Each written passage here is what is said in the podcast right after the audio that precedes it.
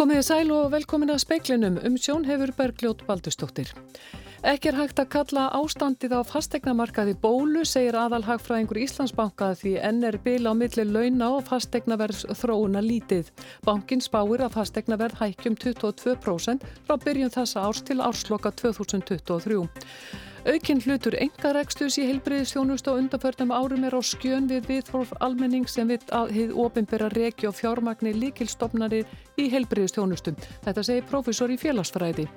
Gróft svifrik fauk yfir suðasturhornið í dag. Það er ekki rakið til eldgóðsins á Reykjaneskaga heldur til suðurstrandarinnar og það stefnir í alvarlega mannúðar krísu hér á landi ef haldið er áfram að vísa flóttamönnum á götuna, segir teimistjóri hjá Rauðakrossunum, fjallar verður um það síðar í speklunum og um eldbróta skeiðið á skeið á Reykjaneskaga. Kæling, líkt og beitt var í heimajargósinu, gæti verið valkostur að verja þar höfnina í Grindavík og einning verður sagt frá uppákomin í Breitlandi þar sem fyrrum aðal ráðgjafi fósætisráðir af Breitlands sagaði stjórnvöldum að hafa sofið á verðunum þegar COVID-19 faraldurinn blossaði upp.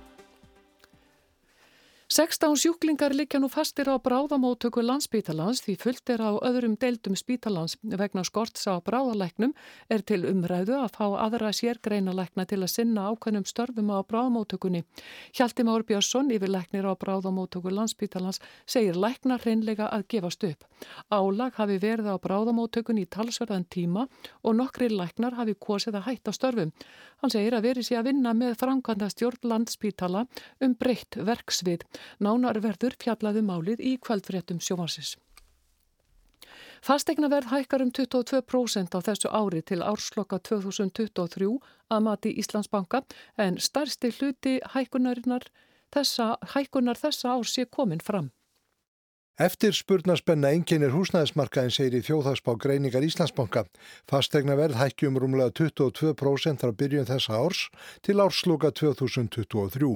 Jón Bjarki Bensson yfirhagfræðingur Íslandsbanka segir nokkur að þætti skýra þetta. Á eftir spurnarliðinni sé sem betur fyrir fjárhægur flestra heimila tröstur og kaupmáttur af aukist og lánskjörsju sjögulega hagstæð. En á frambóðsliðinni sé skortur á nýjum íbúðum og nokkuð í að það lægist. Hann segir stóran hluta hækkunarinnar komin fram. Það er komin fram stór hluti af hækkuninni sem við spáum á þessu ári. Við erum að gera ráð fyrir ríflega 11% hækkun og frá áramótum hefur verið hækkað um næri 7% á íbúrúsnaði. Þannig að við erum að raunin að gera ráð fyrir heldur hægari taktið það sem að eftirlifir ás. Inn í þetta spili Lóðaskortur og segir hann brínt að allir sem starfa frambóðsliðin á þessu markaði tali betur saman og auka með í gagsægi um hvað framundan sé. En sem komið er sé lítið bíl á milli launathróunar og þróunar fastegna vers, þannig ekki sé hægt að tala um bólu en fylgjast þurfi með þróuninni. Ég held að það sé verðt að fylgjast grann meðinni.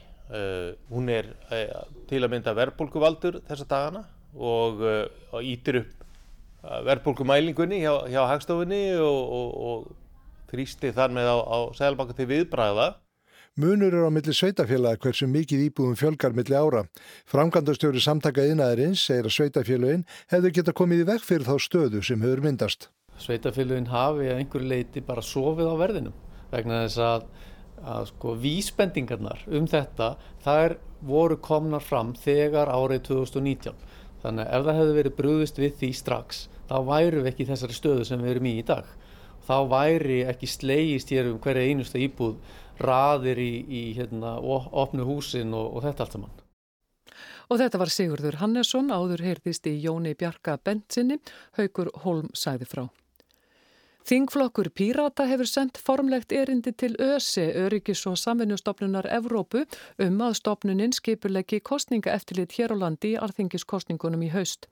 Flokkurinn lýsir yfir áhyggjum af afskiptum samherja af fjölmiðlum og prófkjörsmálum.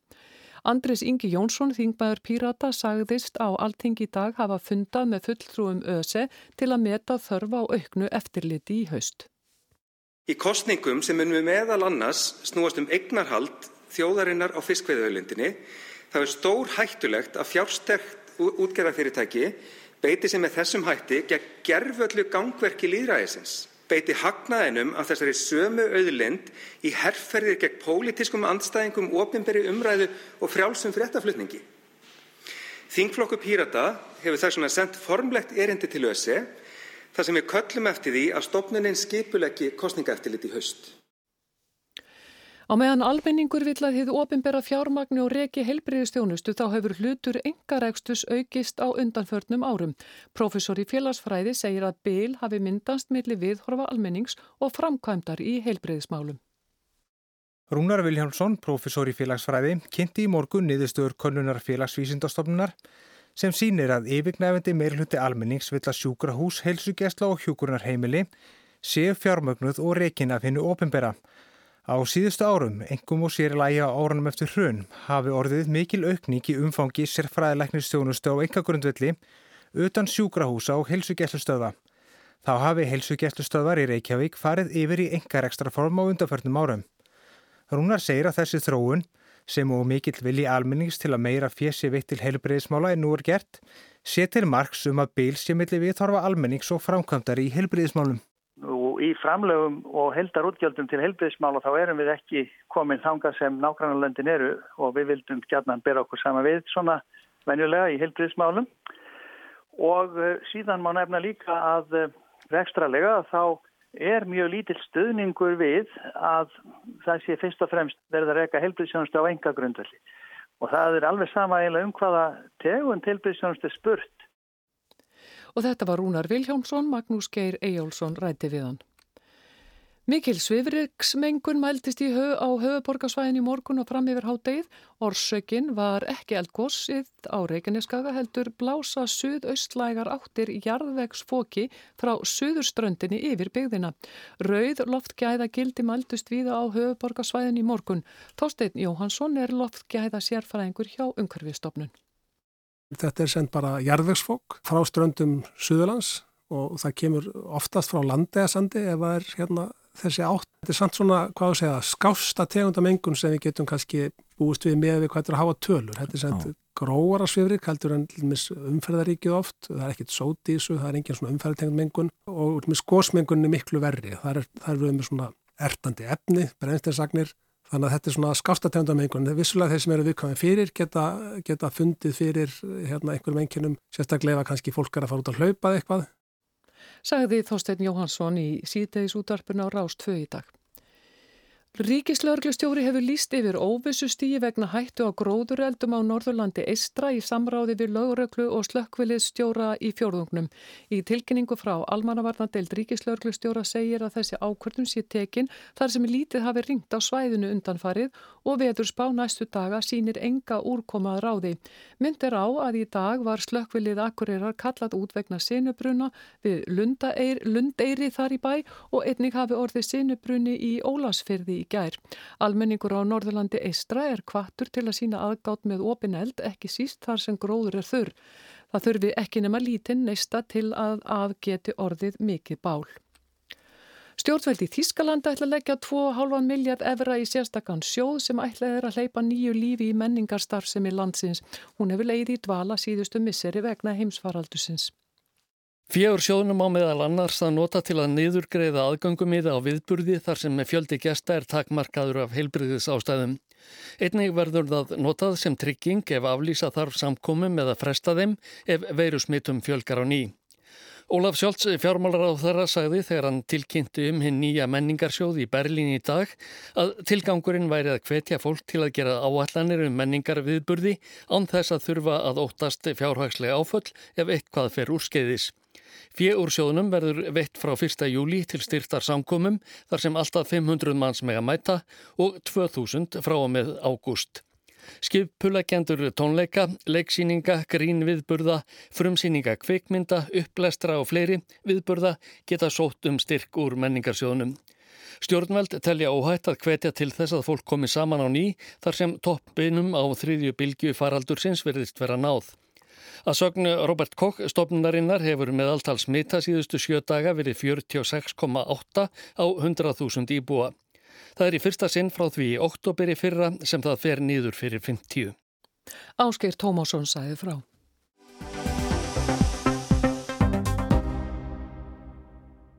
Áshildur Linnett, teimistjóri Rauðakrossins í málefnum umsækjenda um alþjóðlega vernd, segir að Rauðakrossin skoði nú hvort að standist lög að vísa flóttamönnum á göduna eins og gert hefur verið í tilfelli nokkura palestínumanna og annara flóttamanna hér á landi. Samtökin hafa kært málið til kærunemdar útlendingamála. Ef framheldur sem horfir stefni í alvarlega mannúðar krísu hér á landi. Útlendingastofnun svifti nýju palestinska hælisleitendur húsnæði og fæðisgreðslum í vikunni. Mennirnir neituð að fara í PCR COVID-próf en það er forsenda þess að hægt sé að senda það úr landi. Áshildur segir að ekki sé vita nákvæmlega hver margir flóttamenn sé á götunni. Nei, við vitum ekki semst, nákvæmlega hversu margir þetta eru en, en það hafa þá tíu manns leitað semst, beint til okkar uh, varandi stöðu sína og þannig að við hefum verið í sambandi við þá og, og, en okkur grunar að þetta gætu jöfnvel verið uh, fleiri. Eru einhverjir fleiri á götunni heldur en þessir uh, palestínumenn? Já, semst, þetta er ekki einverjum palestínumenn en, en stærstu hlutin kemur frá Palestínu það, sérst, það hefur áður verið vísa úr búsettu úr en þá hafa það eflegt verið vegna sérst, brota á húsöks um sérst, og þá tímabundi vísað úr og, og eflegt tekið bara stuttan tíma fyrir fólk að komast aftur inn uh, en það, þetta er svolítið annars eðlust núna þegar þetta tengist þessum brottvísunum þannig að hérna, já, þetta er svona ekki það sama við hefum í rauninni séð áður. Þetta sé í fyrsta sinn sem svona mörgum flóttamönnum í einu er vísað út á götu hér á landi. Ekki sé heimild í lögum til að neyða fólki í líkamsrannsókn, til standi að senda mennina til Gríklands þar sem ástand er mjög slæmt. Það hafi verið erfitt áður en heimsfaraldurinn skall á en hann hafi haft mjög neikvæð áhrif á efnahag og innviði í Gríklandi. Flóttamannakerfið þar hafi löngu verið sprungið og nöysinlegt að aðstóða Gríki í þeirri stöðu sem þeir eru í nú. Þessir flótamenn meta það sem svo að það sé skári kostur að vera á götunni á Íslandi heldur en að fara til Greiklands. Að þeir gera sérlega grein fyrir að, að, að hér er þá bæði verið að styrta húsnæði og líka auðvitað hafa þær ekki semst, pening til framfærslu og hafa ekki hér atvinnurétt en það er líka uh, til dæmis helbriðstjónusta fæld niður þannig að það er, það er þeirra mat að, að ástandi í Gríklandi sé svo slæmt að af tvennum slæmum kostum þá sé þessi skári. Mennirnir séu nú á götunni en hafi hingað til rætta sér gistingu nótt og nótt og fólk hafi skotið yfir þá skjólshúsi. Þeir hafi ekki marga staði að fara á því ekkert atkvarf sér til hér á landi fyrir heimilislaust fólk sem ekki er með kennetölu. Rauðikrossin kannar nú hvort þetta sé löglegt. Sko við hefum hérna, kært eina ákverðun til kærunemdar útlendingamála fyrir hönd uh, skjólstæðings og hérna, þar sem að við teljum að það sérin ekki laga heimilt fyrir þessari framkvæmt og viljum bara á, láta á það reyna og þannig að við býðum núna bara eftir að kærunemdin taki þetta fyrir og, og fjallum málið og, og gefi sína niðurstöðu. Hefur ástæði til að ætla að þetta sé ekki löglegt eða, já? Yes, það er svona mat lögfrænga Rauðakrossins að, að, hérna, að það sé ekki þessi laghamild fyrir hendi og, og því mér mikilvægt að fá úrskur uh, kærnefndarinnar uh, þar að lútendi. Og þá erum við að tala um að þetta líkams, þessa líkams rannsókn.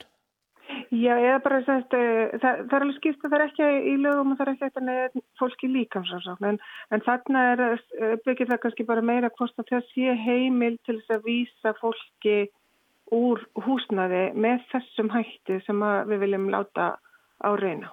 Andlegt ástand mannana sé ekki gott þeim líði illa. Flestir þeirra séu frá Palestínu og það sem er að gerast þar hafi einnig áhrif á líðan þeirra. Sumir þeirra hafi mist nána ættingja og vini. Og öll þessi sérst, óvisa og, og óöryggi grefur náttúrulega bara undan andleiri líðan og er enginn, þeir hafa engan grunn til þess að byggja á. En þeir átt fyrir það að þetta sínir hópurinn samt ótrúlega siglu og, og, hérna, og styrk og sækir styrk hvor, þeir sækir styrk hvor í annan sem er auðvitað jákvægt. En Rauðkrossin við semst buðum meðlans upp á í gær sálræna stuðning fyrir palestinumenn og sem að hluti af þessum hópi sóti. Og hvernig fór sá sálræni stuðningur fram? Uh, við erum í samstarfi við palestinska rauðahólmanan og uh, þar var sálfræðingur á vegum palestinska rauðahólmanan sem, sem að var með þennan stuðning í rauninni bara um fjárfundabúna beint frá Palestínu, þannig að hann var stættur í Palestínu og, og fólki var í húsi hjá okkur eða á Zoom og, og þetta voru um eins og hálfs klukkutíma uh, samtal og, og samræður þess að þau fóru yfir sín mál og og leituðu svona styrs og fengu góð ráð um hvernig hægt er að hlúa andlir líðan við þessar gríðarlega erfiðu aðstæður sem bæðir eru heima fyrir og líka í fyrir eigin lífi. E ef þetta heldur svona áfram, hvað gerist þá? Ég, það er náttúrulega bara verður einhver mannu að krýsa í rauninni hér á, á landi því að það er alveg ljósta að það er ekki hægt að búa við þetta óöryggi bæði um andlega og líkamlega velferðina í, í lengri tíma. Og það eru engin úrræði hér á landi annað heldur um bara góðvild almennings sem að standamannum til bóða þannig að það, það þarf að finna einhverja lausn og, og, hérna, og við horfum auðvitað út á þetta mál út frá mannúðar sjónum Og þetta var Ásildur Linnett.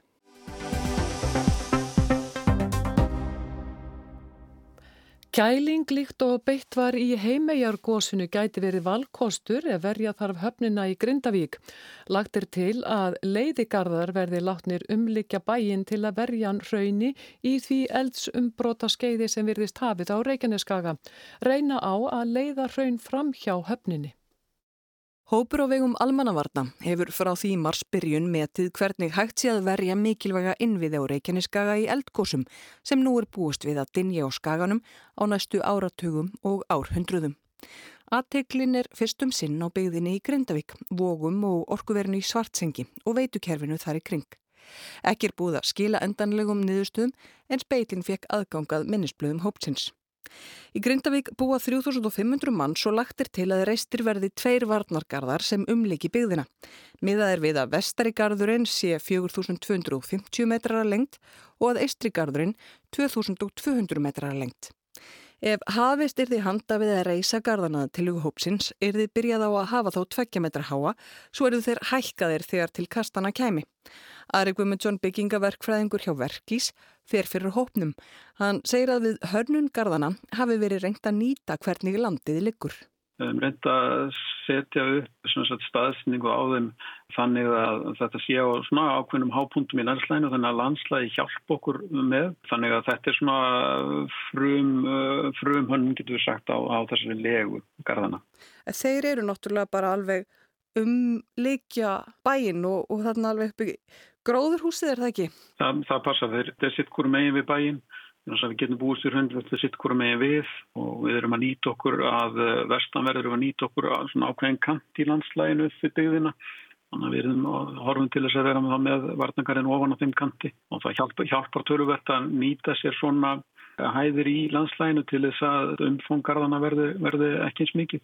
Höfnin, þurft að verja hana eitthvað nefn sérstaklega? Eh, við höfum hortið þess að hrunversli færi til sjávar þarna auðvitaðkundilans vestamegin við byggðin og höfnuna að uh, reyna að, að stýra í það, þannig að það far ekki fyrir hafnaminnið. Það kann að vera að við þurftum að vera með einhverja staðbunnar aðgerið þar uh, þegar að því kæmi sem til dæmis kælingu eins og er versmannum og, og því að það er í slíkum aðstæðan sem að kælingi geti verið valkostur og, en, en við reynum að að stilla af uh, varnangarna þannig að að beinist frá uh, höfninni. En þetta, þetta er punktu sem er, hérna, hefur verið spúðað svolítið og, og er einmitt þörf á að, hérna, að geta vel að. Nokkrar tegundir eru til á varnargörðum. Þeim sem settir voru upp við Merardali mynduðu stíplu þar til raunið tók að renna yfir.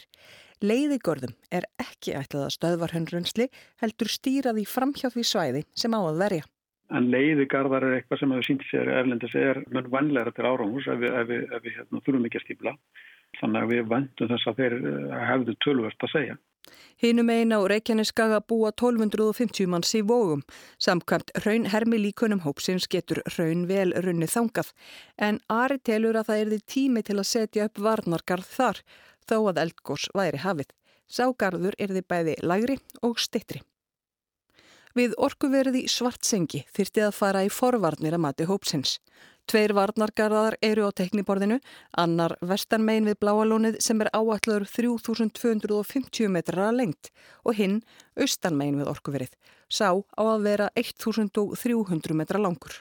Það sem við erum að horfa til í forvarnarækjurum er kannski ekki bara að móta sagt, kannski fyrsta hluta af, af varnagarði, það er, er líka hlutir eins og losa efni í námum þannig að það þarf að keira efni af í varnagarða semst eftir atbyrju hefst að það sé tiltækt á efni í, í, í þessum námum uh, einnig að uh, fyll upp í þá þessar staðstu lægðir sem að sko eru þá í, í legu varnagarðs uh, þannig að vera búin að forvinna slíkt og einnig að gera rásir mögulega þar sem að æskilegt vera hraunræsli færi og svo framvegis. Þetta er svona dæmi um þessar forvarnarækir sem við erum að horfa til.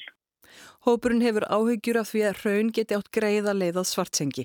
Það er framleitt rafmagnin á landsnetið og varmi nýttur til að hita upp kallt vatn sem tekið er í næsta nákrenni. Þannig er hitaveitu vatn og neysluvatn suðunisjamanna tekið af þessu svæði. Í speiklinum í gær var fjallað um hvernig hópurinn telur að verja megi háspennumöstur og heita á kaldavatslagnir fyrir raunrensli. En varnargarðarnir við Meradali, hvað skildu menn nú hafa lært af þeim? Til dæmis má nefna að það sem við höfum kallað neyðarröðning sem er umvegulega óþjappað efni og ítt upp að hraunni eða, eða sem stóðan á, á hérna, eland að það er í sjálfu sér uh, má segja að sá neyðarröðningur helt ótrúlega vel og kom okkur umvegulega óvart eh, hvaðan helt vel. Og síðan er það umvegulega það sem við höfum uh, sem sagt lært að það er þessi viðbrastími líka með að fá vélar á staðinn Við séum umlega hver er æskileg svona uppsetning á tækjaflota, hvaða tækir og heppilegst í þessu. Eh, við erum búin að láta grafa niður þarna ljósleðara bakvið varnakarðin og hann er, eh, ég séðst ég vissi, ennþá virkur undir rauninu og við erum að læra að slíkir og ljósleðari myndi, myndi þóla meira en við töldum í uppafið. Og við erum auðvitað líka núna að býða eftir frekari mælingum. Við erum að láta drónamæla yfirborðið á, á hérna, varnakorðunum og, og grannvinnslu og til þess að geta bakreikna okkur og, og átta okkur álæginu sem, sem að koma á þá og, og þetta eru þetta hérna, mjög mikilvægur upplýsingar til þess að uh, horfa svo til uh, annara svæða þar sem að við getum nýtt okkur þessar upplýsingar í mögulega þá að hafa varnagarðana minni umfangs með þessum nýja upplýsingum þannig að þetta, þetta hjálpar allt saman. Sem fyrr segir er ekki búið að móta endanlegar tilugur en þær framkvæmdir sem að hópurinn vinnur með í minnisblöðum sínum eru risavaksnar, fjórir varnargarðar og umfangsmiklar framkvæmdir til að verja veitnakerfið við svartsengi. Rögnvaldur Ólafsson, aðstóðar yfirlauruglu þjótt hjá almannavörnum, segir að þetta sé innlegg almannavarna í framtíðar umræðu.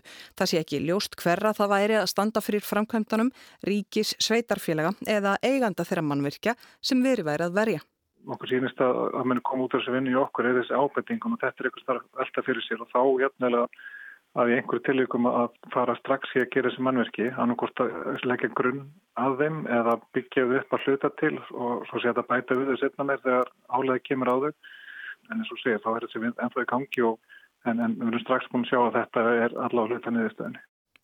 Sagði Rökkvaldur Ólafsson, Ragnhildur Torlasjus talaði við hann og Ara Guðmusson. Dominic Cummings tótti einstaklega valdamikil sem er ágjafi Borisa Johnsons fósætisráð þeirra breyta. Cummings hætti í november, talið að hann hefði orðið undir í átökum við sambiliskonu fósætisráð þeirra. Það var mikil eftirvænting meðal þeirra sem fylgjast með í breskum stjórnmálum að heyra hvað Cummings hefði að segja. En fyrst, af hverju þessi áhuga á að heyra hvað fyrrum ráðgjafi fósætisráð þeirra hefði að segja? Sigur um Davísdóttir. Dominic Cummings vann við hlið Borisa Johnsons í þjóratkvæða greiðslu 2016 um aðild breytaði af Evropasambandinu og Cummings er mjög fakkað að Brexit sinnar unnu. Johnson fjekk hann síðan með sér í Danvíkstræti þegar hann var fórsætsráþara sumarið 2019. Cummings var talið mjög áhrifamikill líka því að fórsætsráþara væri oft svolítið óklar á hvað hann vildi og hvað hann ætlaði sér og þess vegna þá sem það er næstur honum hefði mikil áhrif. Nú satt hann fyrir svörum í allan dag og það voru tvær þingnemdir sem spurðan úti í sem satt hvaða tök ríkistjórnin hafði á faraldrinum og hvað, hvað sagðan? Cummings er oft þakkaður um yfirgengilegan hróka en í dag þá var meira á að hann baðst margfaldlega og oft afsökunar á að hafa sjálfur ekki stæðið sig nógu vel. Hann sæði það strax í upphafi eins og við heyrum hérna. When the public needed us most, the government failed. And I'd like to say to all the families of those who, uh, who died unnecessarily how sorry I am for the mistakes that were made and for my own mistakes at that. Þegar fólk hefði mest þurft á því að halda að ríkistjórnin stæði sig, þá hefði hún bröndist og uh, Cummings vottaði þeim samúð sem hefði að nöðsynjalausu mist sína nánustu. Nú annars vegar veitti framburðarans áhugaverða insýn í það sem var að gerast, varðandi til dæmis háa dánartíðni fólks á elli og umönnunarheimilum, mistök varðandi skimun, Uh, um skort á stefnu varðandi lókun landamæra og svo hvað fórsættsræður að dró lókun í haust. Þannig að uh, svo var það líka uh, hörð gaggríni á einstaklinga, sérstaklega á Matt Hancock heilbriðsráð þeirra og það voru heldur færri en heldur miskunnarlaus orð um hæfni eða heldur hæfni skort fórsættsræður þeirra. En var þetta svona almenn gaggríni eða gatan rakið hvernig og hvenar þessi mistök voru gerð?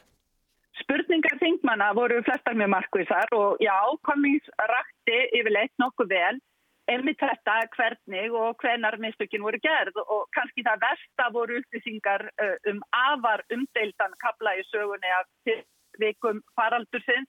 Þetta hvað margir dó á elli heimilum af því fólk var sendt heim á heimilinn af spítölum á þess að það veri skimað. Uh, Sankan tónum þá hafði Matt Hancock heilbreyðisráður að sagt að það væri skima, það reyndi svo ekki rétt, hann talaði reynda nokkur sunnum um að, að Matt Hancock væri ekki sérlega sannsögur og þetta atriði mun án Eva uh, vera, það verður án Eva tekið frekar upp og líka nefndan að, að Hancock hefði komið í veg fyrir að skimun komst ekki á fyrir hann seitt og um síðir.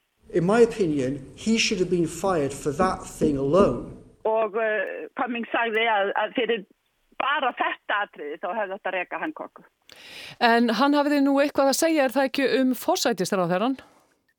Jú, vandi, vandin væri eh, fórsætistar sem skiptum skoðun tíu sinnum á dag, eh, væri heldtekinn af hvað fjölmiðlarnir væri að segja, væri eftir því sem stæði í Daily Telegraph, blæðinu sem er svona kannski nátengdast í helsloknum. Og svo þetta, enginn náði að koma böndum af fórsætistar sem fyrrlæst um eins og stjórnlaus innkaupavagn. Nobody could find a way around the problem of the Prime Minister just like a shopping trolley smashing from one side of the aisle into the other.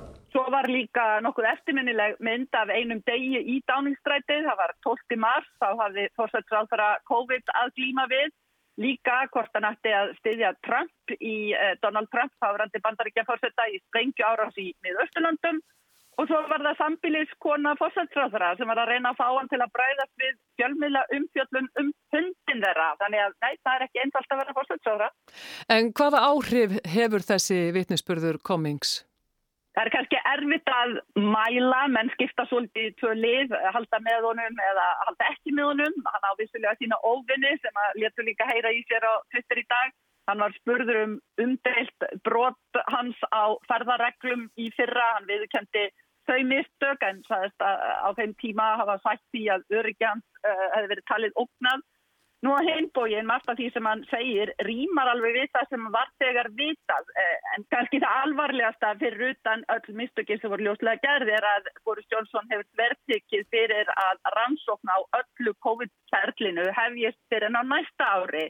Það sem Cummings sagði í dag ítir undir að það verði strax hafist handa eins og margir vilja þá kæmi úttektinn kannski nálagt næstu kostningum. En allavega, eftir daginn þá er úr miklu að móða e, fyrir þá sem að vilja rína í hvernig e, tökstjórnarnar hafa verið á veirufaraldunum. Og takk fyrir þetta Sigrún Davíðsdóttir. Veður horfur, suðaustan 8 til 13 metrar á sekundum, suð-vestanvert landið og skýja með köplum, hægar í breytilega 8 og yfirleitt létt skýjað annar staðar, hitti 10 til 18 steg að deginum hlýjast inn til landsins en heldur svalara austan til.